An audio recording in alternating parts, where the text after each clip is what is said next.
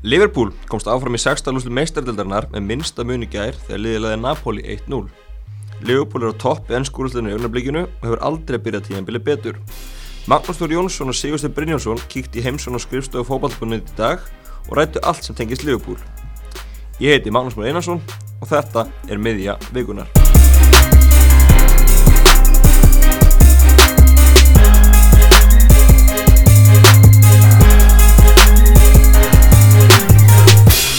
Hvað ég eftir gerkvöldi? Eru þið búin að ná okkur niður eftir hennan ótrúlega leik á anfyldi í gerkvöldi? Er, já, þetta var, ég reyndar vissulega, var ég, ég var búin að töða það sko allan leikin hvað mann liði miklu betur sko, við erum í 1-0 stöðu með þetta liði heldur en áður þannig á 90 stannari myndu þá viss, vissulega þurfti ég að standa fyrir því þannig að svona, það var eiginlega svona skjáltin en hérna auðvitað var þetta bara geggjaði leikur hans mér, þetta er bara alveg frábær leikur og hafði verið allt sem fókbóltaleikur þarf að bera með sér og bara geggjaði að gera þetta á þennan hátt, það er fyrst við komist áfram þá er lang skemmtilegast að vera að berjast fram á síðustu sekundu og, og hafa einhver að keppa því þá læri maður heilmikið um liðið sitt. Þannig að já, jú, maður náði sér niður með gleði og var gætt farið að skoða næstu kosti bara þarna um tíu leti í gæðir sem var mjög jákvæmt mm. Steini, taugana voru þandar þeir fengur Leifur fekk færi til að skora fleiri mörg Já, jú, ég tek bara alls ekki undir með makka að þetta hafi verið skemmtilegt. Maður var í lastri hliðalegu og, og með hérna, þumarun upp í sér eða alltaf tíma. en þetta var full erfitt fyrir minn smekk en, en mér fannst líðið sem stíkt spila hennar leik frábælega þó að þetta færi hafi komið hann alveg í blá restina þá voru Napoli lítið að okna en við vorum okkar menn voru náttúrulega bara í, í mikillir pressu og, og sköpuðu sér fullt af færum og ég að maniblesaður hefði svo við ítla held ég, eða verri í nótt ef að, ef að Becker, Alinsson Becker hefði ekki bjargað hérna þessu skotið hann í restina Já, Arkadís Mílik fær hann að dauðafæri 90. annari mínundu og Alinsson ver Fyrstu viðbyrðað þér Maggi? Ég er náttúrulega bara, ég er náttúrulega Hann er ástfangin, Maggi er ástfangin frá því við vorum, vorum á öðrum leiki sem við vetur að horfa á bara lukkið á honum og ég þatt og spjallaði við góða vinni mína í, í, í dag sem að er í vinnunni hjá mér og meglum en ég fer ekki dóna því að við erum komið með okkar smækkel í marki sko. og þessi varslans í lokin það er svo gaman að ég horfði á þetta með ennskum þulum og þeir voru að tala, tala um þetta eftir leik og það er svo gaman að ég alltaf segja þér það sama það didn't look a spectacular safe en það er bara vegna þess hvernig hann ber sig að. Markmennir sem við höfum haft inn í gamla dag, það er vantalega bara staðið frámsnir á línunni eða farið í einhvern og það kemur erfiðu bolti, ég er enda ennþá að veltaði fyrir mig hvort hann hafi ekki rámstarf, maður sá ekki aldrei einhvern endur sem út þar því að fókusi var á vöslunni en hvernig hann gerði þetta, hann fer út og tekur með lærin og gerir sér breiðan það er alltaf bara mögnu markværsla og bara, bara veist, það verður aldrei talað um aftur einhvern, einhvern pening sem hann hefur verið eitt. Og við svo sem fengum flottan mann sem ég ber mikla veringu fyrir í, til okkar þáttinni fyrir Gunnlegu Gunnlaugsson sem að vildi nú meina það að Alveg verði alls ekki rétt í markmaðurinn fyrir Liverpool og svo voru umræður um reynsluleysan og almennt svona getuleysi var ekki nefnir okkar þriði fjóriði besti markmann í ítalska boltanum hérna á einhverjum svona umræðu þáttum. En í dag náttúrulega veist, er bara, þetta er náttúrulega bara hann kom okkur áfram þrátt fyrir frábæra leik eins og Steini er að segja. Ég held án gríns að við höfum ekki spilað betur í vetur. Sérstaklega var setni áleikurinn að gegjaðu sko. Mm þar virkaði pressan á eftir mönunum fyrir mín og hann hefði ekki getað lappað heim sko eða lappað inn í klefa, ég veist að það var haldið honum inn í klefa og skipt út af og miðjarna virkaði vel á veist þá er það þetta sem við munum mun eftir. Auðvitað við erum svo steinins að því ef við höfum farinir eitt eitt á höfðu já bæði manni og sala líka að þurft að svara fyrir færanýtingunni leiknum. En þetta verður mómentið sem við munum og strax það sem þið tala um sko að var ekki einhver að tala um bara bónu sem að fara á fara 15 miljónum punta og svo verður eitthvað sem að fylgja því hvaða liðið dragast. Þannig að þessi eina vastla kannski borgar helmingin á þessu svakalega háa verði sem var, var talað um að, væri í gangi. Já. og viðstu, sem markmaður gammal og viðstu, eldgammal, 50 sko, ár sín ég hætti eitthvað en viðstu, það að vera með, vera með þessa leikstöðu þessa leikstöðu á þessum stað það er náttúrulega bara, fyrir mínu viti, bara algjörlega geggja. Það er mm. bara, og svo mikið bara þetta hann var hann að grípand inn í og er, er og þeir, sko, það, það er alveg svo útilegum að spila tilbaka, hefur lært að þessu lestiræfindir með það að taka boltan langt er hann með pressu en, en þú veist hann fer, fær bara boltan í fætunar og er bara einn af elli útilegumunum líka. Þannig að hann er gríðalegt uppgreitt en, en, en mér svo að mér fannst þessi leikur geggjaður og mér finnst þetta, þetta búið að byggja spilnit upp í síðustu tveimur deltaleikjum hefur verið stígandi og jafnvel þú þessi búið að róta mannskapnum og þá finnst mér bara þessar leiðir sem þeir voru að fara í fyrra í hápressunni og það hvernig þeir vinna svo boltan það hefur gaman að telja hvað Napoli átti marga langa bolta í sinnaleg mm. þeir hafa öruglega verið um 20 mm. þeir hafa búið að pressa það upp í drepp og voru að negla fram og að, að liðið svo Napoli sem er náttúrulega frábært fókboltalið að mínu viti og vel skipaða mönnum hafi átt eitt færi í leik sem að þeir voru að elda frá 2007. mínutu eða hvað það var. Það er bara magnað afreg því að veist, minna, það er líka erfið staða fyrir Liverpool verið í að vera eitt nú lifir þeir grætti ekkert á að skora annað mark. Það grættum ekkert á því ef að Napoli hefði skorað. Þannig að mér fannst þetta taktist séð bara alltaf því fullkominn setnahálaugur og bara frábær framist að mm. Við klárum aðeins umræðinu með, með Alisson. Steini klopsaði til leika að hann hefur til að borga tvöfaldverð þegar hann hann kostiði 66 miljonir punta þeir eru til að dobla, en að það góður? Þetta ennu aftur þetta eru kannski ekki alveg beint mínir peningar en, en hafa áhrif á, á svona framtíðina hjá liðun en já, þetta ég reyndar margóft tuðaðum það í podcasti á K.is ég skil ekki af hverju markverðir eiga að vera svona miklu ódýrari heldur en aðri leikmenn á vellin þetta er einn mikilvægasta staðan. Og Garri Nevel frendikar, hann hann tók helviti góða hérna, nálgun á þetta núna í Mondanet fútból þar sem hann síndi bara fram á hver er munurinn á Leopold núna eða fyrir árið síðan. Það er markværslan hann er með 84% vörslur og hann er að taka þessar úrslita vörslur og hann er að halin stig bara eins og við erum búin að sjá David Egea búin að vera að gera núna ára eftir ár fyrir Manchester United. Hann er að skila þeim fleiri fleiri stigum á hverju leiktið þetta bara Já, ég held að hann væri alveg 120 miljón punta virði fyrir svona, fyrir svona lið sem er búin að vera í, skulum bara tala um hlutin eins og þeir eru, við erum búin að vera í skjálfilegu ströggli með markmenn alveg síðan fyrstu tvö árin hjá Peppi Reina. Samála. Og mér að DG er alltaf kom og segja kom United líka áfram í leiknum á móti, var ekki, var ekki Valencia hvað var sem hann tók Vöslu? Já, tók Krúsjál Vöslu. Krúsjál Vöslu, þannig að og, og þetta er það sem þarf og ég er alveg samanlega stein í því að, veist, það, það ekki bara hafandi þennan bakgrunn að, að, að nákvæmlega það sem hefur verið að ergja í gegnum síðust árin eru tvær leikstöður og, og munurinn sem mér finnst að núna eftir að Klopp tók, tók inn þess að við erum búin að læra inn á liðið leikmenni sem hann hefur sótt sér síðustu kannski svona árin minna við erum að tala um Sala Van Dijk og, og hérna Hallison, þetta er allt game changerar og það er auðvitað bara það sem við vorum svolítið að kalla eftir hérna í í, í, tengslum við Liverpool síðustu ár og, og, og það er bara það sem Alisson er, hann er game changer og veist, þessi 10-15 steg sem hann á ekki dunnið og þetta, þessi vastlaði gæri mestradildinni, þetta er bara það sem maður skilur á milli þess að maður hafi þú veist, maður, maður, maður var ekki sko þegar við vorum áfram að þá hugsa maður okkur og það er liða að lista yfir framann okkur en nú erum við ekkert að setja skjálfandi á njánum þó við séum einhverja risa. Það er út af því við erum með svona menn sem að breyta leikjónum og það mjög góður í gæður og Sala náttúrulega með þetta flotta mark sem hann skorar og svo allir svona þess að vösli í lókin og þetta er bara munur með allir virðingu fyrir gæðarleikmunum þá þarf þetta að hafa heimsklassa leikmenn mm -hmm. til þess að ná árangri í dag. Og þetta eru svo leismenn, ja. Alisson er það klálega ja, Alisson með, með átta meðalmarkur, ofta, ofta búin að taka saman að meðalmarkur er búin að fá átta mörg fleiri á sig heldur um Alisson aðeins heldur um átta mörg sem er svona með expected goals eða færi og það er alltaf magna að Leopold markmaður sé með hæsta prosentu hlutalli varðið í deltinni það er bara magna því að þetta er eitt af því sem maður heldur ekkert gleyma þetta gerist á 90.000 annar í myndu mm -hmm. það er ekki eins og að sé að fá á sig miljón skot, var markværsla sem við steinir sáum live í brettónleiknum á 89. myndu var fyrsta skotið þeirra á ramman og það er auðvitað þetta sem er líka málið mm. þessi einbytting að fá þennan langa bolta yfir og lesa stöðuna fullkomlega rétt mm. hafandi verið áhórandi löngum köflum í leiknum mm. er auðvitað bara líka það sem er svo málið og hann virkar það ámann hann er náttúrulega líka sterkur virkar ótrúlega fókuseraður. Og það er bara það sem telur á milli, mm -hmm. það er bara þannig. Ja, Það var líka svolítið fyndin hérna, fyndin tvitt sem að ég sá hérna í morgun að Leopold, leikmenn Leopold eru búin að skora, skora mun fleiri mörg á alveg svona þessu ári heldur en öll liðin í ennsku dildinu til saman en það er svona, já Ok. ég það eftir morgun Já, Alisson kemur náttúrulega frá Róma í sumar og er búin að vera að gera svo góða hluti. Hvar setur þú að mækið, þú er náttúrulega gammal markur sjálfur, hvar setur þú hann í bestu markurinn í heimi í dag? Ég held að Alisson sé bara klárlega í einhverjum topp þremur að mínu viti. Hverjum? Ég, ég sé náttúrulega alltaf ekki ja, og ég er náttúrulega ennþá með Nóir blæti þannig að ég, ég svona vil, vil meina það Nóir þó að Nóir sé búin að erfitt í vetur eftir meðslinn en þú verður alltaf að dæma menn eftir því formi sem er í á þessum tímapunkti.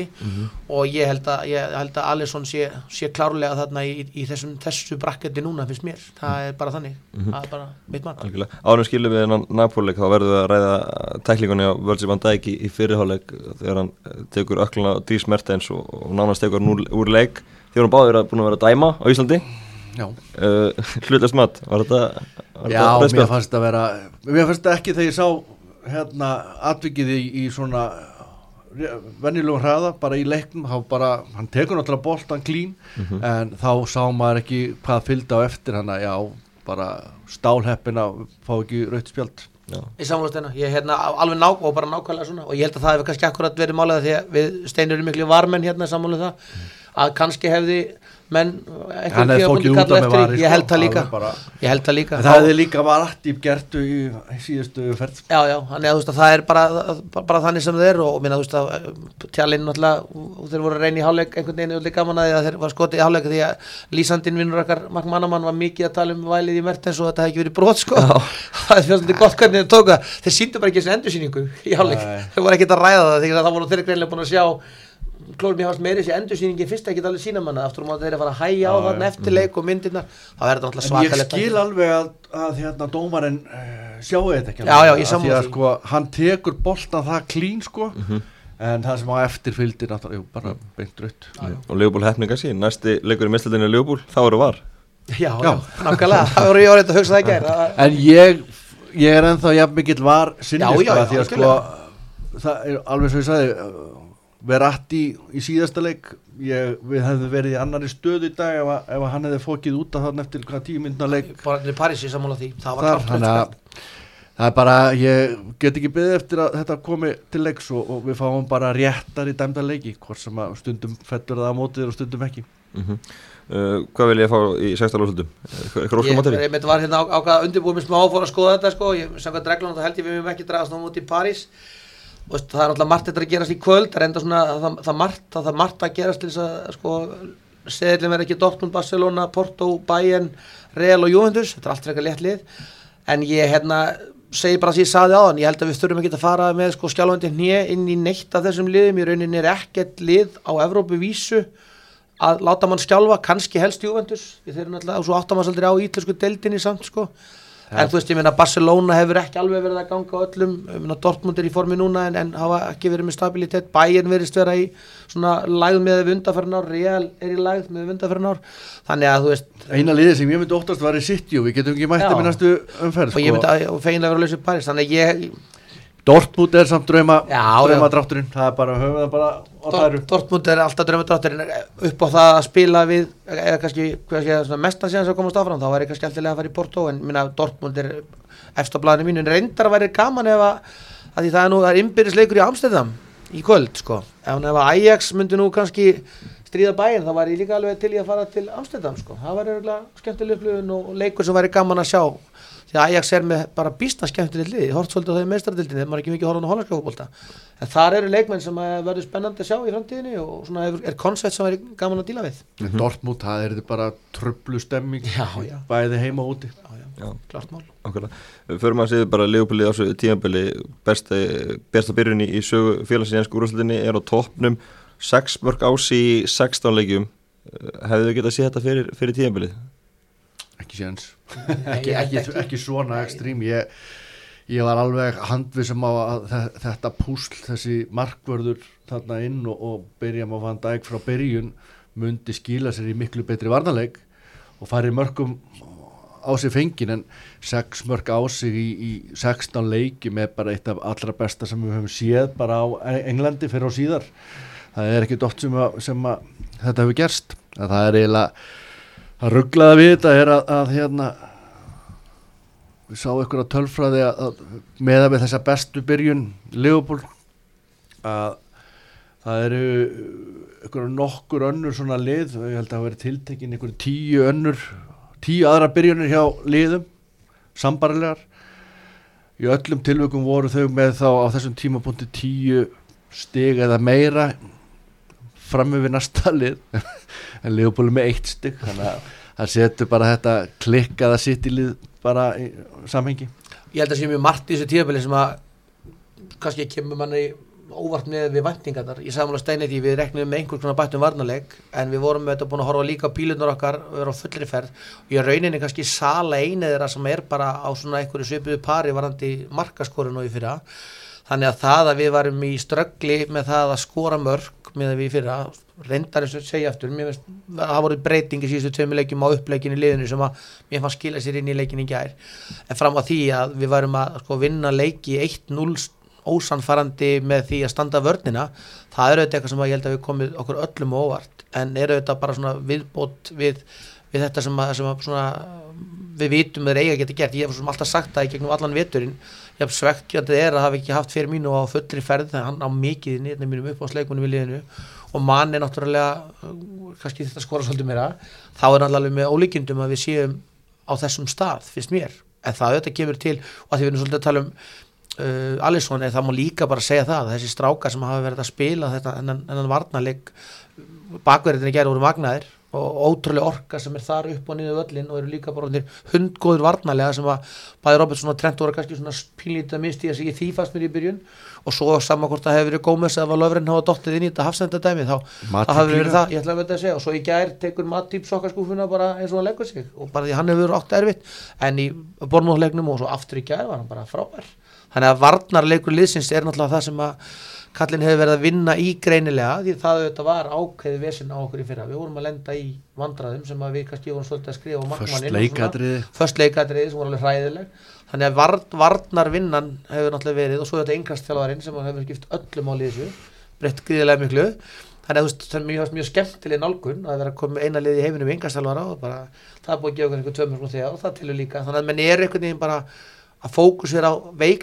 gefa að að öruglega verandi vitur um hvað styrkleikar hafa þannig að maður gerir sér vonur um það þegar, að, þegar þeir styrkleika kikka inn á fullu eins og mér fannst kannski gerast í gæðir er ekki dóna því að 3-4-0 hefur bara verið sangjöð núslitt með að við sko döðafæri í þessum leik. Mm -hmm. að þá erum við vonandi bara að sjá ennþá betri hluti en vandin eins og Steini var að lýsa er ekki, það er ekki bara sitt í því þú veist, svo voru ég veit að statist stig sem ég sá, ég held að við séum ekki nema sko sjöstum undan tóttenamliði sem er dröðlega gott sko. Tóttenamliði var að setja persónulegt með þeir hafa aldrei byrjað betur. Já, og þeir eru því að sæti. Þannig að það er, er bara deildin einhvern veginn öðruvísi núna með það, það eru þarna bara þessi stóru lið sem eru bara á fullri ferð og þannig að það verður bara vonandi keppni alveg til loka, það er líka óvand við deildina, það er hversu langt bíl er viðstur orðið þarna milli þessara fjögur að fimm kannski og svo liðan þar fyrir neðan uh, Verður van Dijk kemur í janúar og Alisson í sumar. Kostar svipa mikið og Salana og Coutinho. Þeir myndu vantilega alltaf gera sama díl núna. Ég, ég sagði það bara strax um, um, þegar að Coutinho Salan var að gangi gegn að það væri hálf bjánar að hugsa til þess að, að vera að selja Coutinho þennan hæfileikar ykkar leikmann og kaupa eitt ekki varnamann og vera svona í heild sinna styrkja liðis tölvert mm. og þá var Alisson ekki komin inn í öfnuna einu sinni þannig að það var alveg klárt í mínum huga bara að fá inn Van Dijk á þessum tímanbúndi að taka veikasta hluta liðsins og styrkja þetta mikið var svona heilt yfir bara gríðarlega mikið framfærarskrif mm. og síðan náttúrulega var bara adressað í sumar þessi hinn stóra vandamálastað þannig að ég held að það sé ekki hægt annað en að, að bara eins og við höfum séð bara Van Dijk var dýrasti varnam og er dýrasti varnamaður sögunar Alisson var dýrasti markmaður sögunar og það er ekki nokkur einasti kæftur að spá í kaupverðið á sem tveim drengjum í dag. Það bara segir allt sem segja þarfum þá Já, nákvæmlega. Maggi, þú svona áður en við lúkum þessi umræða alveg með Alisson, þú komst á Twitter í gerð og sagðir, nú bara læti Alisson barna mig, þarf að finna vísindamann make it happen. Ertu búin að finna vísindamann? Nei, ég bara, ég bara býð eftir, ég býð eftir að fá aðstóð mér finnst það, ég svo sé, auðvitað er ég hef ég átt mjög erfitt í gegnum árin finnst Vistu mér hvað, ég hef átt erfitt með svefn eftir að ég sá þetta koma Ha? Hann er ekki, hann er því hugulega skeggjaður og klálega markmaður, þannig ég, einhver skautið að mér að ég þyrfti að fá samþyggi, ég myndi taka það samtal allan daginn, Já. en hérna, ég, þetta er bara svolítið, þú veist, að þetta var auðvitað var þetta sagt bara, bara ég bara satt með síman í hendin þegar náttúrulega vöstin og bara, Já. bara, veist, hvað gerir hann næst til þess að impressa mig, sko, Já. en hérna, það kæmi hugulegt markmannsbann út úr því, ég hef allir sem huglega reytur saman, sko, ég Já. efast efast ekki það. Ég er hérna hér Nákvæmlega, nákvæmlega. Uh, ef við förum aðeins yfir önnur kaup sem að Leopold gerði í sumar uh, Fabinho og, og Nabi Keita komina á miðjuna má ekki segja að þeir sé búin að alla smáman bröðum Jó, sko það er klárlega byggust við, við meiru frá þessum strákam á þessum tímanpunkti Nabi Keita reynda búin að vera mjög óöfum með meðsli þau komu alveg skelvelugum tímapunkti, hann byrjaði vel dettu síðan út í svona tíma og hefur átt erfitt með að koma tilbaka en mér hefur fundist hann vera, vera sprækar og sprækari. Og við hefum saknað hans bara sóknarlega en sem betur fyrir hefur var, vörnin haldið. En varandi Fabinho þá þá er þetta ekkert nýtt hjá Klopp og, og við svo sem vorum alveg búin að ræða þetta fyrir tímafél hann verðist taka þessar nýju leikmenn oft og bara láta þá sitja, sitja, sitja og horðu þannig að hann er búin að vera með hann bara í fristikistu og bara í einhverju svona akademískum hérna, kursum að læra hans leikkerfi og hans stíl. En núna bara undanfærið hefur hann verið að koma inn af krafti og mér líst bara vel að það sem ég hef séð. Þetta var sama með Andy Robertson í fyrra. Hann fristi hann eitthvað fram í oktober-november Oxlade. Chamberlain, sama. Þannig að sko hann verðist vera með eitthvað svona meira long term meiri long term sín heldur en við stuðnismenninni sem verðum ansi óþreyju fullir ansi snemm oft. En ég vil bara meina að þetta séu tveir góði fótballtamenn og hafi sínt það svona einn á millu, þetta átti Fabinho mjög erfið að leika móti Arsenal en hann er búin að hann er að læra á deildina og, og greinilega stígu upp núna. Þannig að ég held bara líka bleið þá bara nokkurn veginn inni satt einmitt og spjallaði við félagið með þarna sem í, í, gær fyrir leik sem hefur myndulegt á Þýskaboltan og hann einmitt vildi nú kannski meina það að við hefum svolítið hort á mikið á YouTube af Keita sko. Að því Keita, Keita er svona box to box myndvildir sem, að- sem að hefur alveg gert rosalega flott mörg og reyndar tekið svakalega tæklingar. Og við hefum hvoruð séð einhvern veginn en hann vildi aftur á móti líka meina það að veist, þetta væri strákur sem að, sem að þyrti ákveðin rithmælin og ég, ég finnst að ég er svo sem sagt það og segi það klárlega að við, við erum ekki alveg komin með rithmann hann uppi og þú veist það er ekki þetta að kenna miðjunum um það fyrst mér, því þeir hafa átt erfitt og þá, þá er ég kannski ekki síst að meina sko pressuna hjá okkur, mér hefur ekki fundist hápressan sem maður sá svo ótti fyrir að virka nægilega vel. Og það, þar þýðir það að, að miðjumendir hafa allt annan hlutverk, miðjumendir í gæri voru að elda boltana sem að voru að dettina miðsvæðið og þar voru Henderson, Vínaldum og Milnir allir að vinna sína bolta. Þegar að það er þannig að einn sóknarmadurinn er ekki að ná að pressa eins og mér er fundist bæði fyrir mínu og manni sérstaklega átt erfitt með það þýðir að þú ert að lendi undir til og það þarf að fara elda og engir af þessum varnamönnum eru eitthvað sérstaklega góðir eða miðjumönnum eru góðir í einhverju svoleið hlutur ekki svo Mascherano var eitthvað að hund elda einhverja leikmenni en Góla Kanti er þannig að og, og, og ég fannst þetta með stað þegar að hann ákveður að setja Fabinho inn og breytir uppleginu sín í leiknum verður með tvo sitjandi miðumenn í staðin fyrir hann eina sem hann var með í gær og er uppleg kannski gegnum þjálfaraferilin það fannst mér líka bara svolítið sína það að hann hefði trú á Fabinho. Þú veist, þú gerir það ekki, ég meina þú ert með útgöður sem þetta spila þetta leikkerfi svo þetta var að nota leikmannin, hann lendir í vandra á móti Arsenal, næsta leik sem hann spila þá er hann bara búin aðeins færa til þannig að honum líði betur og innkoma þegar begja í gæði var mjög góð. Keita var settur í sko sóknartengilstöðuna sem Kútínu listi stundum. Og mér finnst við alveg sakna leikmanns þar ennþá. Ég, ég ætla ekki að segja sakna Kútínu því hann sveik okkur og ánæði með að barnið mitt sá hann í gæri einhverju marka þetta og það fyrsta sem hún sagði var bara oi bara, ég var glaðið með það. Þannig að ég virði eftir eitthvað varandi karakterinn hans. En okkur vantar ennþá og ég held að það sé svona síðasta pústir sem við fengum ekki með Fekir. Það er svona einhver gólskóring þrett af miðunni því allavega vildi þessi félagi minn menna að Keita mynd aldrei setja einhver 10-15 mörg sem við vorum kannski að gera ykkur vonum ég held að hann sé meira svona, á svona mótor- vínald, já, mótorbátur, sko. mótorbáturinn sem að eiga þessu laupin í tegin. En ég held að það sé alveg, alveg og minna, innkoma Fabinho í gær einmitt þá að setja hann inn í lönguboltana sem við fórum að dæla er alltaf bara frábært, þetta er stór strákur sem getur leist margar stöður og það er auðvitað bara það sem að við munum þurfa að lendi í.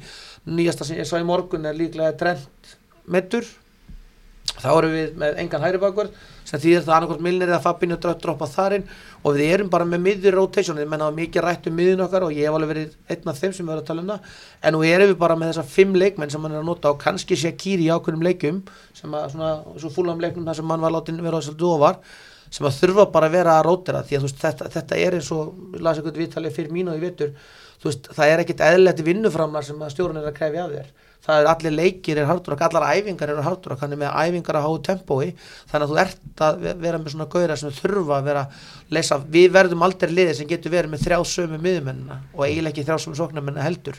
Þannig að þetta verður svona rotasjón á þeim sko, ég held að það sé alveg klopp ég eins og mánu eins og þessum þar sem ert að spila 8 leiki á 27 dögum og þá, þá verður þú bara að vera með gauðra sem að gera, ég er alltaf með þá hreinu að Henderson hefur ekki spilað tvo leiki í viku í eitthvað tíma, það er eitthvað, það er eitthvað að erkja hann, alla skoðan sem henn geta haft á honum og, og með það að þá er held ég öruglega Fabinho eða Vinaldum að fara að vera djúpur á móti United, veist, að það er engin lítill leikur að stíka inn í. Mm. veist, en það er svo steinir saðan, það sem er alltaf bara eitthvað sem við kannski lærðum í fyrir, það var það, menn voru alveg búin að afskrifa Oxlade það var bara mestu peningar svona sögunar var, var hann að tveir mánuðir á stíðin í okkur. Já, já. að því að hann var komin 87. eitthvað svo bara dettur hann inn tilbúin og við söknum hans klárlega. Ég, ég var til dæmis, ég var skítrættur bara hissa þegar ég sá Fabinho í byrjunarliði startun á móti Everton. Já, ég, ég held að hann hefði ekki hérna gæti ekki höndla það tempo sem er á þessum massísa derbi leikjum en hann listi það virkilega flott. Þannig að Ég, ég skil alveg sko gaggrín að, að, að þetta eru dýr kaup, þetta er samtals ykkur á 90 miljónu punta ég skil alveg gaggrín að, að við erum komið þetta langt inn í tímabili og þeir eru búin að setja þetta lítið marksitt á liði en við erum samt búin að sjá það mikið frá þeim báðum að ég tel að við hérna, eigum helling þar inn og, og hef tröllatrú á því að þeir muni spila starri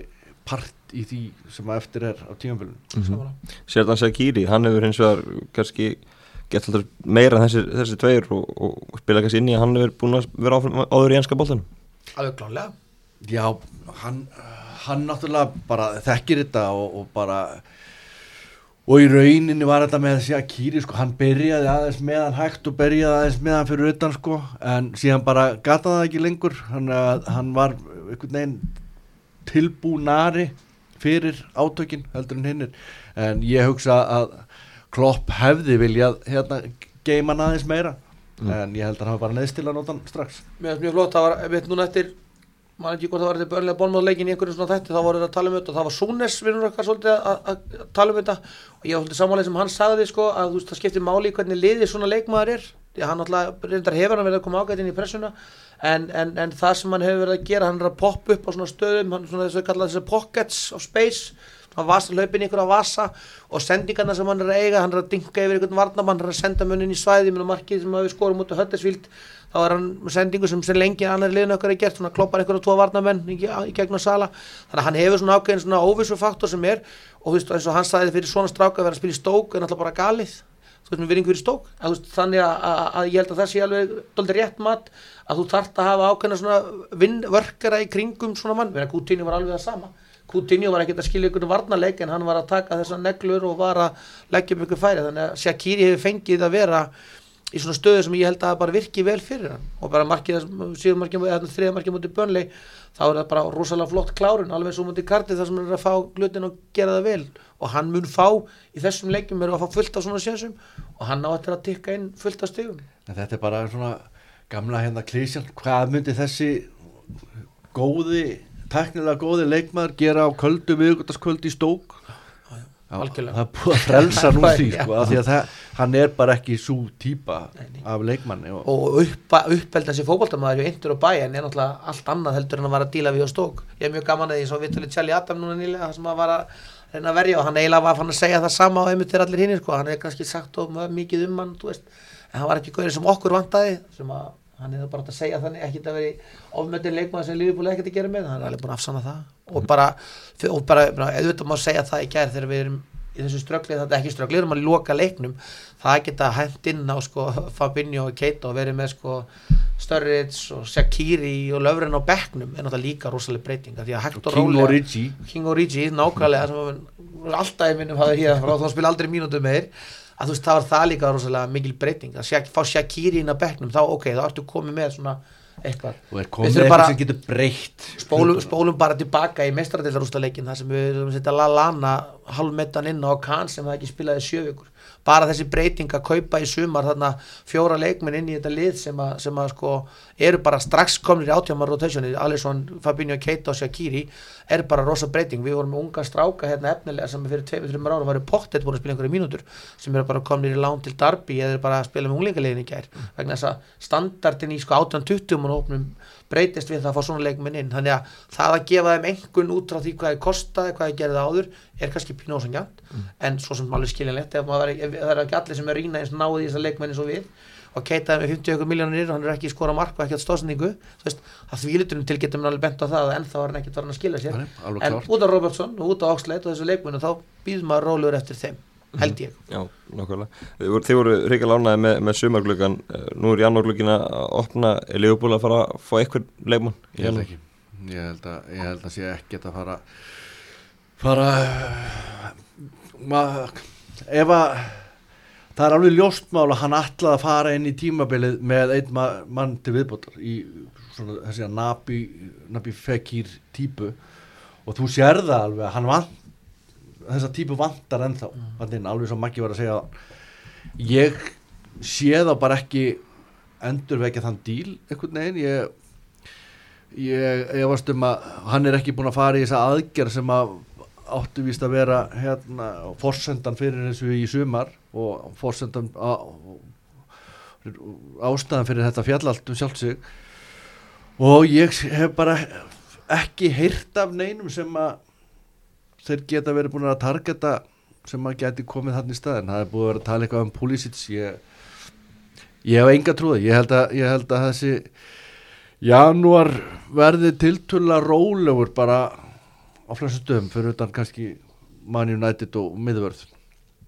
Já, ég hétt saman að steini þessu að það er alltaf eini pakkin væri, ég held að sé alveg augljóst mál að Pulisic er maður sem að Klopp vil fá, það er bara hann bæði fekk hann yfir til Dortmund, hafði mjög mikið fyrir því og hefur verið að, skáta hann í gegnum tíðina, ég held bara að hann sé ekkit að losna frá Dortmund, ég held að hann klára alltaf tíðanbilið á Þískalandi og við höfum alveg tekið snúning hérna í gegnum tíðina þegar við höfum farið í gegnum janúar á þess að kaupa leikmenn því að Klopp gerir ekki mikið af því.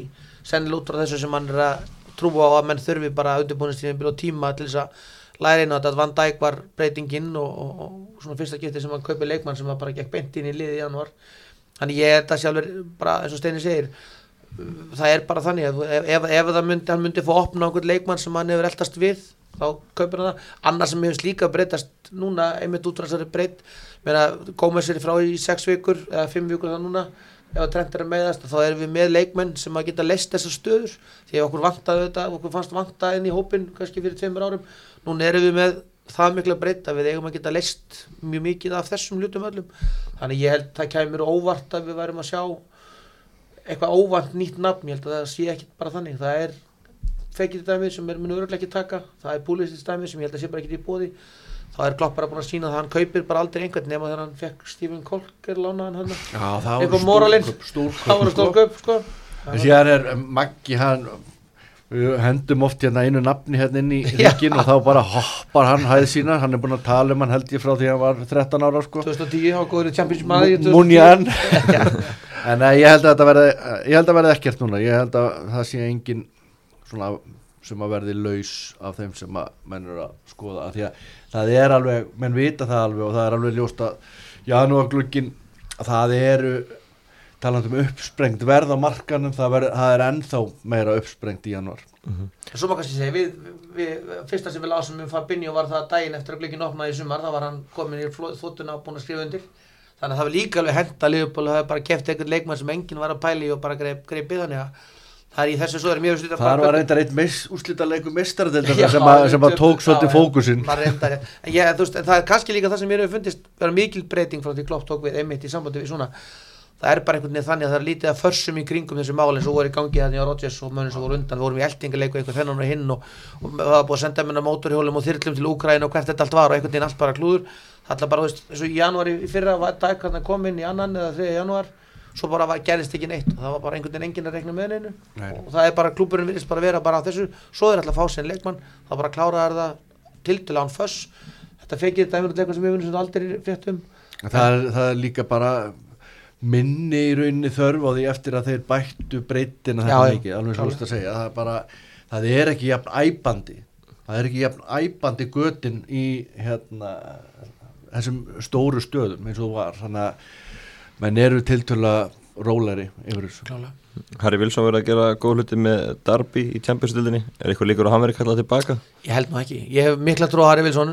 Rætt hann lengi og hérna að því ég nú svona hef gaman að darbi ég hef verið mitt líð nummið tvö í Englandi mjög lengi þá hef ég verið að horfa á leiki með þeim og hann hefur átt frábæra leiki í Champions-dildinni og er algjör líkil maður þeirra liði og mikil svona crowd pleaser þannig ég held að það var ekki skinsamlegt í þessum, á þessum tímapunkti að kipa hann tilbaka því að hann er ekki að fara að lappa inn í liðið hjá okkur núna. En ég eftir á móti, mér finnst hann að því við erum, með svona tvö styrni þarna í láni annars vegar Wilson og hins vegar Woodburn sem hafa svolítið verið að kalla á okkur gegn tíðina og það er alveg skýrt og klart held ég að Woodburn er að brenna sér sinn og geti kannski verið kiftið bákungleika liðið. En, en Wilson á bara að vera þarna og vera aðal kallin í því að koma Darby upp í úrasteld með Lampard sem er mikla trú á hann og lið sem er að spila fótbolta. Þannig að Darby er lið sem er, er að spila þetta á þann háttin sem við viljum sjá. Þeir eru að pressa og hann er að fá mikið frálsæði þannig að ég held að það væri ekki rétt að kalla hann tilbaka en, en gerir mér vonur um það að hann verði komin inn í jöfnuna í, í sumar og getur þá komið inn í einhvers konar squad rotation sem, að, sem, að, sem að við getum nýtt í að hann hefur hæfileika sér strákur, mikinn hæfileika.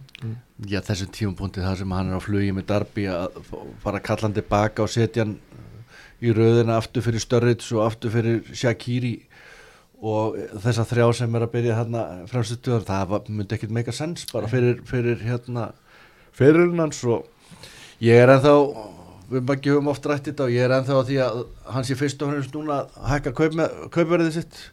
Ég sé hann ekki fyrir mér eiga neina framtíð hjá Leopold góður góður í fótbolta, virkilega flottur og, og geti átt bara fínan karrieri á Englandi en ég held að hann hafi ekki þetta ekstra til að vera í, í topp liðunum og ég held að hann sé bara fyrst og fremst verið að bæta pundum hún á.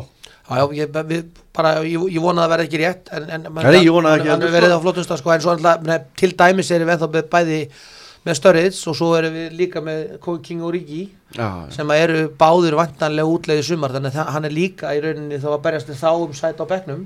Þannig að veist, ég held að það var ekkert engin lógik í því það verður miklu meiri spurninga því nú er Störriðs náttúrulega að renna út af samlingi og, og Ríki, ég, meina, ég myndi halda ef við reynum að selja hann í janúar og hann hafi einmitt með þessu efstónmarki kannski verið svona síðasti pánturinn í því að einhver lið muni kaupa hann sem hefur ekki vilja að gera það. En hann er við erum með ungur en þá sko. Já, hann, já, er, hann er kottn ungur en mér finnst þú og það geti breytt einhver rotation ef, að- ef að Ríki og Störriðs færu þá erum við á öðrum stað en, en núna erum við að, að, að Markovic sé ekkert að berjast um þetta. Jú, hann er þetta skoraði flott mark í gæri undir 19, undir 19 liðinu sko. En nei, ég held 60 ekki með undir 19 Já, það er dálítið skemmtilegt að sjá hann þar sko. það er dálítið gaman En ge- getur við segið hverju leifmenn fara í, í janúar? Dominik Solanki Já, Klein. Klein. já, já, Klein, Klein. Ég get ekki ímyndað að, að, að Nathaniel Klein Nei, muni vilja vera þarna sem þriði fjóruði kostur í, bakverðinum ný kortir síðan hann var að landslýsmaður á, á, á, á EM þannig að hann hlýtur að hugsa til reyfings og, og annarkvæmt Solanki og Ríki hlýtur að vera. Ég, það, það væri algjört grín af því að Já, Solanki, ég held að Solanki kominn fari bara lán, sko. Já, já, ég samla því. En ég held að það væri alveg klárlega það sem við varum að tala um en ég held að við missum ekkert af þessum mönnum sem hafa verið ykkur mínundum einhver hafa að tala um Lallana, ég held bara að Lallana átti sig á sinni stöðu, hann er bara ofbáslega mikið meittur og bara þú veist, og það er ekki EM eða HM ár þannig að hann þarf ekki að flýta sér í burtu varandi það allt sko, það er nú öðruvísi pressa. Menn hafa nú séð bara hvað þessi lán eru nú oft það er erfitt að, að fá alvöru sölu í januar á leikmenn að þessu kaliberi og, og lán spurðið bara Daniel Störrits hvernig gekk ég honum í fyrra sko. þannig að oft er bara ágætt að bara sætta sig við sitt hlutverk og, og klára tímabilið og taka þátt og, og vera ykk, á ykkur nátt involved og taka síðan stöðuna um sumarið. Uh, minnist það á Nathaniel Klein. Hvar hefur hann verið og, og hvar er hann núna? Kjaftarsöðunar í Leopold hafa náttúrulega lengi verið að hann sé að díla við alls konar hluti aðra heldur en meðsli en það veginn aldrei farið neitt hátt en að maður trúir því ekki mikið lengur. En það var langur kapli í fyrra þar sem hann var ekkert á ægarsvæðinu einu sinni. Mm. og alls konar, alls konar umræðu það. Það er allan að klárt mála hann er búin að missa tröst klopp. Það er bara alveg klárt. Og hann er til dæmis að því við erum að tala um Markovits og þessum straka unglingaleginu að Klein hefur ekki einu sinni, ekki einu sinni verið mikið þar því hann er alveg verið hún undanfarið. Já, já, meittur og aftur svona einhver mistur í meðsli sem, að, sem einhvern veginn veit ekki alveg hvernig er. En, en, en maður á ekki verið að, svo sem að ræða mikið um meira heldur en það. Að það er alveg klárt mála að hann á ekki tjens í jöfnuna sko. það er bara, bara svo sem þannig sé leti, mér finnst Klein fýll leikmaður, hann er, hann er takmarkaða sóknarlega. En Já. flottur varnamaður og allt þetta því. Þannig að, að hann bara e- eitthvað er það sem að þýr það að hann á bara alls ekki törri stjálfarans, það er bara þannig Steini, getur eitthvað satt með kjátasög hvað hva haldur mann að sé að búið hann að baki?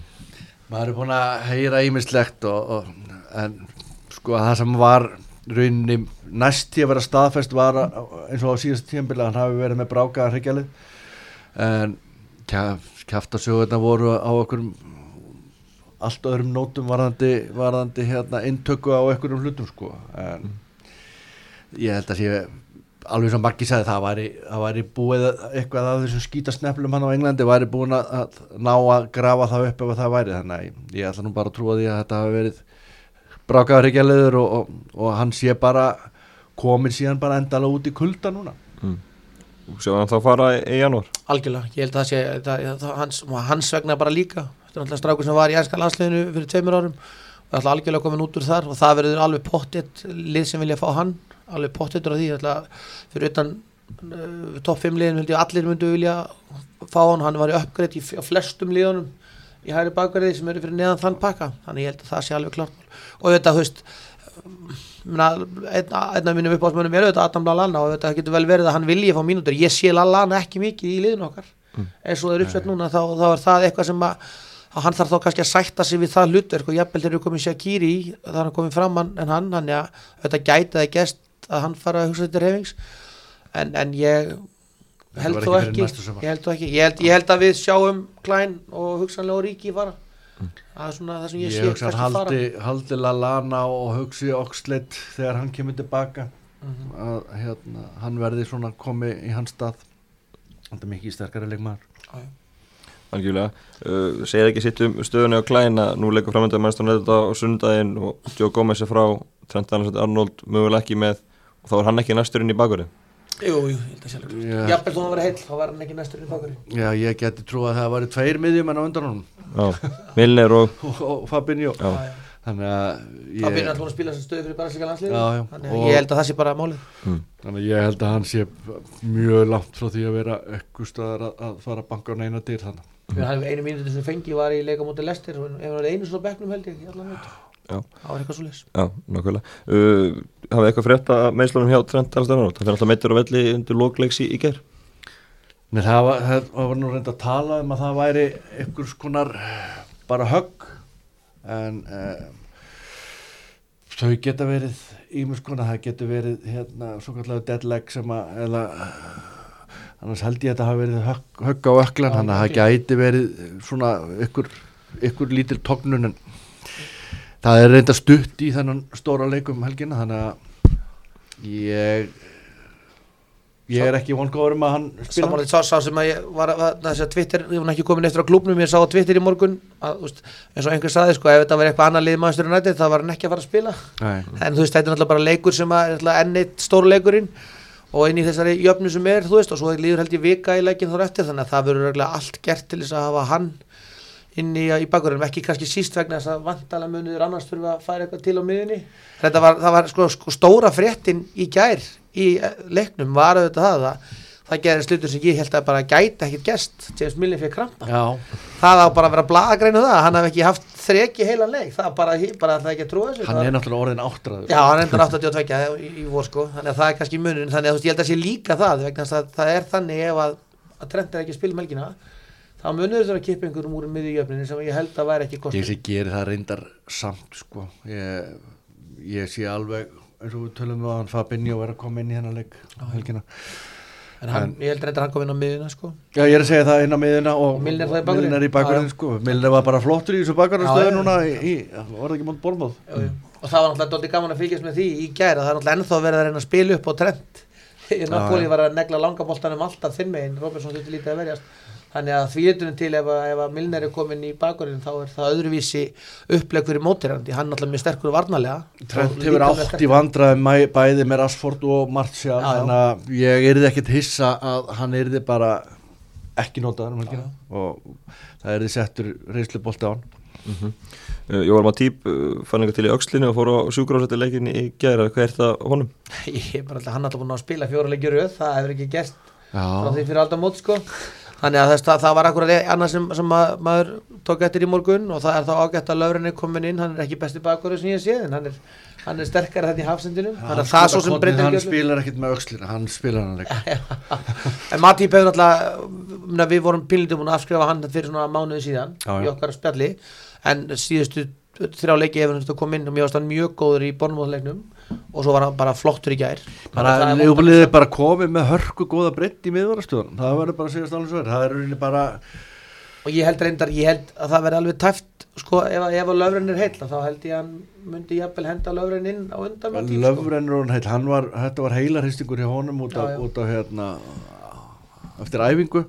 Og finnst að hann er farin að koma inn og koma bekk að þá er hann orðin kláristlæn þá, þá er búið að gefa grænt á það. Þannig ég held að það verði dóð um helgina Mm Hvernig líst ykkur að leik við Manchester United á, á sundaginn? Ítla Steinir eða þá er jinx til honum Ég er alltaf skítrættu við þessa leiki. Það er alveg sama hvað hvað er þessi liður stödd í dildinni eða hvað hefur gerst á undan og bara ég hef bara verið litt óþól fyrir þessum leikjum bara almennt, bara alveg svo Liverpool Everton leikjunum, ég á bara mjög erfitt með að njóta þessar leiki bara við segja Það alveg er sammála því svo sem er, þetta er einhvern veginn miklu meiri kvöð og pína heldur en, að, heldur en einhver ánægi að horfa á góða fótballtaleik og síðan bara oftast eru þessi leiki bara heilt yfir hundleðilegi líka. Að og ég vonandi það eru þarna mikil batamerki sérstaklega er náttúrulega erfitt að segja að sé hérna, einhver batamerki á vörninni, hún hefur verið frábær en það eru batamerki á sóknarlega glesins sem hefur aðeins hyggsta sérstaklega núna í síðustu tveimur og hálfum leik setni hálfleikurinn á móti börnleik var mjög góður. Bormóðleikurinn var mjög góður og mér fannst bara heilt yfir eftir svona fyrstu 20 mínutunar í, í gær var bara sóknarleikurinn blúsandi flottur. Þannig að en á móti þá erum við að fara að mæta Jose Mourinho og sá kann nú að leggja stórum trukkum og rútum. Þannig að ég ég held ekki niður í mér andanum af spenningi sko, sé alveg svo er. Nei, ég er svo sem samanlega steina því að þetta eru leikir sem að kannski að því mann er svo ógæðslega leiðild að tapa þeim að mann finnst þetta alltaf þetta er svona öðruvísi eldur en þeir mennir að spila við ykkur önnur lið. En ég er endar held svo sem að mm, það verður bara að ég horfði nú þur- þurft að horfa á var búðin í, í, í, í hérna matabóð þegar United og Fulham voru að spila um síðustur giðan, ég þurfti að horfa á það svolítið og, það er náttúrulega líka verður bara alltaf gaman að sjá hvernig uppleiki verður því að Múrinni náttúrulega hefur svo steinist að það lagt rútum hinga til. Hann er bara ekkit endilega með góða rútubistjóra sko. Því mér finnst veikleikar United til dæmis varnarlega liggja í bakgrunnu þeirra og við, við eigum að geta svolítið eksplotera það. Hann kannski raða það bara hafsendunum sínum og í bakverði. Það verður líka gaman að sjá hverju verði hafsend hjá þeim því hann er náttúrulega lendið því að þau eru með Matits og aðra þarna inn á þeim stað. Þannig að varnarlega hefur United verið pínlítið að ströggla nú náttúrulega mútið stigur upp í þessu fúlamleik og sóknarlega sem er ekki alveg að marka ég held að fúlam sé nú bara ekki alveg komið á þann stað en að vera tilbúið þess að deild. Þannig að það eru svona veikleikar í þessu United liði sem við eigum ekki að explotera sem sem að ég sé alveg við gætum nýtt. En, en á síðan á þessi hérna, spænski markvar alltaf Já, já. stórleika móti ljú, bara alltaf. Að vinna marga leiki. En á móti er alltaf svo líka bara gaman að sjá upplegg United vegna þess að upplegg United á móti okkur undanferðin ár hefur þetta bara gengið upp vegna þess að hann getur verið að trumma bara löngum bolta á einhverja að trukka þarna frammi þannig að fella inn í Lukaku svona eitthvað svona kombo þannig að það verður bara gaman að sjá hvernig það kemur út og meina 0-0 er sigur fyrir Mourinho Já. það er bara þannig að hann kemur úr anfíld það er bara, hefur verið þannig frá því hann kom þangað fyrst bara með fyrsta liðileiku við þannig að Ég held að þetta sé gríðalega stór og mikilvægur leikur upp á framhaldið. Það er bara, það er bara svona meira svona sálrænt heldur en hitt.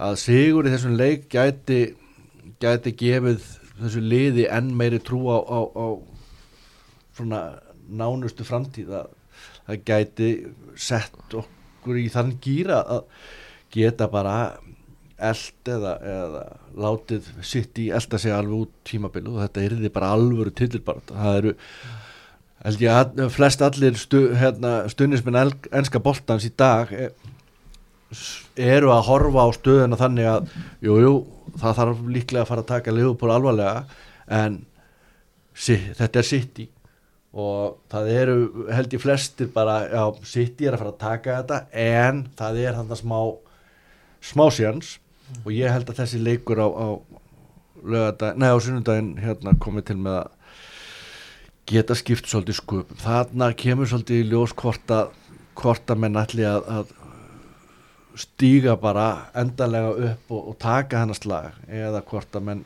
sé að fara að bókna þess undan pressu. Það er annað sem er doldið gamma svona banderinn í kringum hennar leik verður auðvitað það ef að leifum vinnur þá verður það á toppum í dildin eða leiknum við lokið og það er óvanlega staða fyrir nættið að koma á anfíld með liðið í þeirri stöðu að vera komin með, með svona frágengið að Liverpool er bara hægt í toppslagnum og just, maður, það sem maður les og sér þá vilja allir á tvennu íllu að sitt yfir meistar heldur en okkar menn.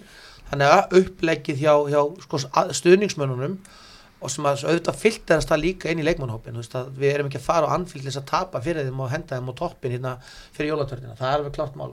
Hversu mikið Mourinho, það er líka gaman að sjá því það er svona alls konar kæftasugur um klefanans og það hefur lekið út úr klefanum hluti sem maður hefði ekki gert í gegnum tíðina. Á móti hefur hann fengið stóra stöðnisífylýsingar frá leikmannunum og antikinn með að henda brúsonum með að lappina og Juventusvöllin hefur gefið honum ákveðin svona eitthvað svona stimpil.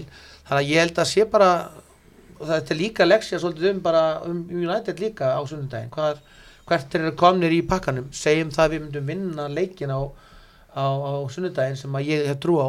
Ég hef trú á og það byggist svo trú líka á því að síðustu þrjí leikir hefur mér fundist svona mótjóður að komið aftur sóknarlega sem að mér fannst vanta lengi gegnum vetturinn og þú veist, þá erum við bara verða bara hörðustu United menn að horfast í augu við það, ég, meina, ég held að við séum núna hvað 16 stígum undan mm þú veist þá erum við komið 90 stígum undan og þá er þeir bara lendir hérna einhverjum 10-12 stígum eftir því að vera mestaraldildasæti titilvonin er náttúrulega engin og þeir núna ríð halda mest í einhverju mestaraldildavon ég er eitthvað að horfa það í gegnum í einhverja lista ég meina United er ekkit að fara að hlaupa hlaupandi í gegnum eitthvað 16. lúslit mestaraldildar en heldur að þá er bara stað United svolítið þannig að þeir fara á anfylg og tapa þá er þeir bara 7-8. sæti er mótir ef það hálnað og það er þetta bara bara grín það er bara komedja að klubburinn sé komin á þann stað ef það gerist. Þannig að þeir hljóta allir sér að taka stig og helst vinna þannig að leik til þess að koma sér inn í mixið og láta einhvern taka eftir sér í tókslagnum þannig verði ekki bara með Everton og Bormóð og Votvort í einhverju móði þeir reyna að berjast um hann á fjórasætti annað árið, það er þetta bara það er bara hlægilegt. rosalegt undir í þessu leik bara fyrir báða aðra mm -hmm. Uh, næstu tvær vikur getur skorið mikið úr um, um hvað verður með, með tímabili þjá í tópartunni uh, Ligurbrá Manchester United á sunnundaginn Wolves förstdæginn 21. desember Newcastle á annan í jólum Arsenal 29. desember og svo er leiku við Manchester City í 3. januar Þetta eru fimm, fimm leikir og, og þannig getur skila á milli Já, það, þetta, þetta mun bara gefa tónin hvernig þetta verður verður, verður þetta áfram bara svona einn veðleipa hestur sem að, sem að hérna, fer í markið á, á löngu og öllum, undan öllum hinnum eða, eða verður hann einhver keppnum og við fó, fókbóltastunismenn við erum óttalíði gullfiskar og að, hérna, eins og mikið er talað um Leopold í dag og, og, og svona jákvætt og orði í kringum klubbin og, og þessi bæting það getur allt horfið á sunnudagin það er bara við munum yfirleitt bara síðust úslit og búið sko. þá bara verður bölmóðurinn hjá manni alveg bara komin yfir allt og City konir yfir aftur og aftur og þetta. Hendur svona löfrengjara mistök sem því að United gerir sjömarki þá er það komið líka þannig að þetta er stutt á þá er það þeir þannig að síðan sigur og þá er bara allt í blóma alveg þá til að næsta tap kemur þannig að þetta er þetta snýst um úslitt þetta, þetta er samt verður að segjast bara það er ógeðslega gaman að vera allavega í mixinu að það er við erum komnir í, í miðjan desember og það er að klárast árið og ef að allt gengur svona bara sæmilega þá, þá, þá erum við að fara að horfa fram á tillbartu og það er bara mikill og stór munur bara frá því á síðastu tímanbili það sem að það var bara í mínum huga bara aldrei spurning bara frá fyrsta ágúst að City var að fara að vinna titillin uppsetningin á þessum mánuð er alltaf skemmtilega alltaf þessi svaka leikur núna sem kemur í lokin á svona törn sko, svo kemur þarna viku pása á móti úlvaliði sem er rosalega mikið jójó fótballtali einhvern veginn sem voru skítefnir að vinna í Newcastle um síðustu helgi á tíma eftir sko frábara endurkom og framistöðum moti Chelsea á heimaðalli þannig að þeir eru með leikmenn þarna sem eru drullu sterkir. Og að taka jafntöflu sitt í já já og vinna Chelsea sko. Þannig að það að fara þann út af öll er bara hörkuverkefni rétt fyrir jól. Og svo er Rafa vinnur okkar að koma að leggja rútunni sem hann gerir. Og hefur gert þér einn ótrúlega vel í vetur með litla hæfileik í liðinu en ótrúlega mikið að stíðu með það finnst mér Svo fáum við þarna sko Arsenal og City sem eru lið sem að ætla sér að klárlega vera að berjast þarna sitt hverju meginn við áramótin í lokin og svona törn þar sem menn verða í báðum, öllum þessum liðum þurfa menn að spila á leikmannahópnum og, og fletta skotinu sínu svolítið. Þannig að þeir tveir leikir Arsenal og City í, í kjölfar Úlvan og Newcastle, þetta er svona skemmtileg uppsetning einmitt þess að Steini var að segja, að sjá hvað við höfum. Náum við að klára þessa skildusýra sem eru á móti Úlvanum og, og Newcastle sem eiga bara að vera í toppslag og eiga að vera skildusýrar vinna Arsenal heima sem við ætlum okkar til að átaka stig á sitt í. Það er svolítið, þú veist, þetta er svona öðruvísi test sem að er að leggjast fyrir framanliðið og með allir vinningu fyrir spilamönskunum sem hefur verið miskóð þá eru bara fá test sem er að klikkað á við unnum höttisvild í skýtlilegum leik hefum einn góðan háleika mútið Vottor við erum að taka Crystal Palace í skýtlilegum leik. Þú veist, Lester í leik sem var ekki sterkur þannig að öll prófin hinga til hafa það staðist sko. Þannig að vonandi 3. janúar eru við ennþá ósigðar að fara inn í sitt í í öðru topp top 2 sko, það er bara allt opið ef að, ef að þessi tvö lið verða bara mjög nálat gröður í stigum þegar þau mætast þarna í januar þá, þá held ég við síðan að fara að horfa á alvöru tælurreis mm -hmm. alveg í, í lokinu fyrir maður séu sóknlinna á Leopold Mómið Sala náttúrulega skoraði og skoraði og skoraði á síðast tíanbili byrjaði sem þetta tíanbil nokkuð hægt. Eins og í fyrra. Eins og í fyrra já, en þið eitthvað ágjörð að þetta væri vonsísum vondur, það myndi ekki Ná, Nú var hann komið 13 mark og komin í gang. Hafðu þið eitthvað tíma mútið ágjör á þessu? Ég hef ekki ágjör á þessu, maður náttúrulega bara innstilti sig inn að það er sumar sko, bara tók smá reality check sko. Mo Salah var aldrei að fara að ná öðru svona tímabili eins og hann náði fyrra á þessu tímabili. 25 mörg væri bara frábær frábær tímabil hjá svona manni og það var hérna það sem hann var að vonast áður en hann kom hann myndi skila einhverjum 20 mörgum og slatta stóðsendingum inn í, inn í lið. En þetta er náttúrulega rugglaða tímabili fyrra setti náttúrulega allt úr samhengi. Og það er mikið búið að tala um að hann hafi farið hægt á stað hann, hann fór bara nákvæmlega eins á staði fyrra. Ég held að sé, meirinn sé að búin að vera alltaf skrefunu framar heldur hann á sama tímapunkti á síðast tímabili. Þannig að vonandi bara verður fer hann áfram á uppleið en ég hefði aldrei áhaugjur að því að hann væri one season wonder. Ég bara maður sá bara það mikið í honum bara balanspunkturinn í honum og hraðinn í honum og bara hvernig hann gerði þetta fyrir að þetta var engin tilviljun sko. Samanstýrið því og markjast þriðamarki mútið Bornmóð var náttúrulega bara akkurat þú veist það er svo þess að sanna það hversu mikla trú og hversu, hversu góðan er fólkvall að leika tvistar af markmannin. Sem er gammal markmann það fannst mér kannski illa gert að leika tvistar af byggja sko, en að býða svo þetta rétt að mómulins að skora í gær var hann að komast í fullta færum sem hann, hann hefur kannski verið vandrað með. En ég held að einn partur af vandraðum hössins er náttúrulega líka bara það að við erum að tala um leikmenn sem við viljum sjá meir út og er náttúrulega Bobby Firmino sem er mínu viti top 3 leikmæri á Liverpool sem hefur ekki alveg náð þeir eru bara upp á síðkastið að vera eins mikið í boltanum eins mikið inn í mixun eins og verið, er búið að prófa setja hún þetta kant tilbaka. Þannig að það, það, það er líka ákveðin breyta. Þannig að þegar að sko, það líka, ég hef engar ágjörð því heldur að Bobby Firmino stýgur upp sko. hann er bara það góður í fólkválta og mann er virkilega þarf að bæta færa nýtíkunum sína hefur alltaf við hans vandamál og þeim kom til Liverpool en er líka leikmaður sem hefur átt eitthvað inni og munurinn líka fyrir Sala að vera svona, ekki alveg komin upp á tætnar eftir náttúrulega ömurlegt vor og ömurlegt HM og eins og lýsingarna voru og hvernig það var bara rétt sem var að heyra, það var að vakna á nóttinni því formadur var að koma ykkur að gauðra að taka selfies með sér inn á hótelherbyggi sem að var bara alveg viðurkent að var í gangi í Úslandi og lánaður í einhvern einræðisherra og gerður einhverju svona fenumæni þannig að sömarið fór líka einhvern fokk að þá var alveg vita að hann myndi eiga eitthvað þurfa smá tíma til þess að fara í gang. Lenda svo líki því að vera með breytingin og miðsvæðinu sem er erfið. Með framherðinu verði ekki á sama stað þegar við fórum að horfa á Breitón það voru þrjum með náunum allan leikin það var bara bakgöður, hafsend og kantnaður hann skoraði samt sko. Og, þeg, og þegar að það gekk upp að hinnir er ekki að virka að þú veist, menn gáttu bara gert það svoleiðis og með, þá voru ekki aðrir ekki miðjumennur að skora, ekki hinir að taka upp kindilinn, þá var þetta allt öðruvísi sko. þannig að mér fannst þeimist bormáðleikurinn alveg klálega til dæmis merkjum það að fyrir mín og á sko vinnur boltan í marki 2, hann á skotið í marki 1 þá gætt Sala verið að stinga sér í eðunar þannig að það er svolítið ósengjast til að fara að benda á hann og fara að segja svo að þetta var í haust. Að hann er ekki að skora. Var bara, það var allt öðruvísi dæmi í því. Ég menn ef, ef, ef Messi hefði ekki haft með sér svona marga þá var hann ekki að skora 50 mörg og tíma björg að skora 30 en veist, það er auðvitað líka parturinn af þessu. Að marka skorari sem að þrýr dekka hann mun ekki skora eins mikið eins og hann far, far bara einni að dekka sig sko. mm -hmm. og ég meina ég bara klára því að við erum svo sem alltaf sagt það að það kemur að því að mótsjóðu sóknarleikin kemur tilbaka, ég held að það verið gríðarlega áherslu á varnarleikin og að mitt settbísatrið hluti sem voru að lendi vorum að lendi í vandraði með sem hefur pottet verið adressað á æfingavellinum í sumar og í hausta því að hann er svona fullkomna sinni klopp í öllu sín uppleiki að núna þegar við förum að sjá þessa hluti fara að gerast aftur og þegar varnarna fara að þreytast og, og svona hraður maður fer áfram þá sé hann alveg komast í 30 pluss alveg ekki spurning, ekki spurning Að lókum, miljón dólara spurningin, verður Liverpool ennsku mestari voru? Nei, ég held að setja í takki þetta en ég held að við komum til með að sjá Liverpool veita þeim keppni bara alveg til enda.